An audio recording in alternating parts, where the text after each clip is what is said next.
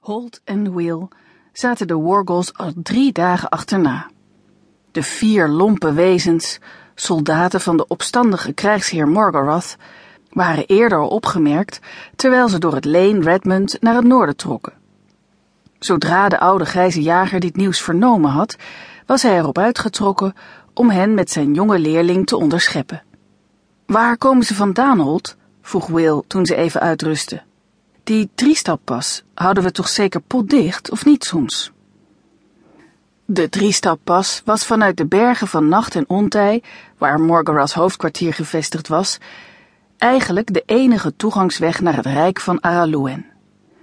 Nu dat rijk zich voorbereidde op de oorlog, had men kort daarvoor een compagnie infanterie met boogschutters naar het kleine grensgarnizoen gestuurd, om alvast de doorgang extra te bewaken, totdat het hele leger gemobiliseerd zou zijn.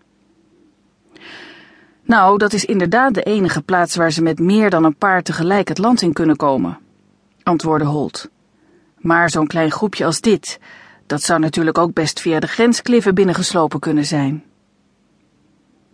Morgorath's domein bestond uit een onherbergzame vlakte, hoog in de bergen ten zuiden van het koninkrijk Araluen. Vanuit de Driestappas in het oosten liep een reeks steile, onbeklimbare kliffen in westelijke richting. Op die manier een natuurlijke grens vormend tussen Araluen en Morgorath hoogvlakte. Waar die kliffen vervolgens afzwenkten naar het zuidwesten, stortten ze zich loodrecht in een tweede barrière, die de Spleet genoemd werd. Een reusachtige inkeping in moeder aarde, die helemaal doorliep tot de zee. Zo vormden kliffen en spleet een dubbele barrière tussen het domein van Morgorath en Celtica, het rijk van de Kelten. Deze natuurlijke verdedigingslinie was het die Araluen en het naburige Keltenland de afgelopen 16 jaar had beschermd tegen de vijandige legers van Morgorath. Andersom was het natuurlijk ook zo dat deze de zwarte krijgsheer bescherming bood tegen de legers van Araluen. Maar die kliffen, daar kun je toch niet tegenop of vanaf klimmen? vroeg Will. Holt lachte zuinig.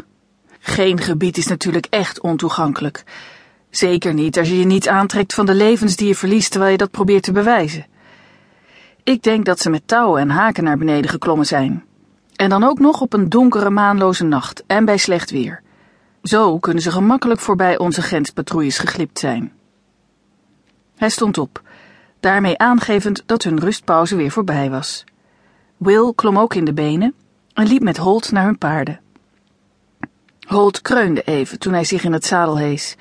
De wond die hij opgelopen had tijdens het gevecht met Kalkara deed nog steeds pijn.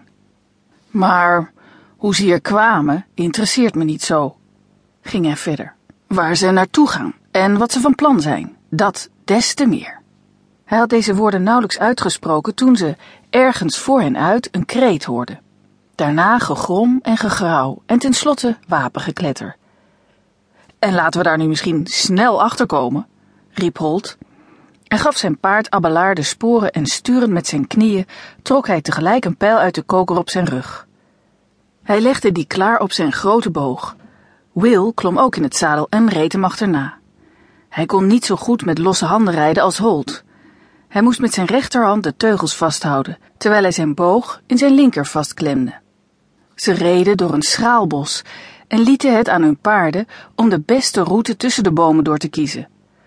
Plotseling hield het bos op en reden ze een grote grasvlakte op. Een teken van Holts knieën bracht Abelaar met gestrekte benen slippend tot stilstand. Trek, het paard van Will, hield naast hem halt. Will liet de teugels los en greep automatisch ook een pijl uit de koker op zijn rug en legde die op de pees. Midden in de vlakte stond een grote vijgenboom. Aan de voet daarvan had iemand zijn kamp opgeslagen.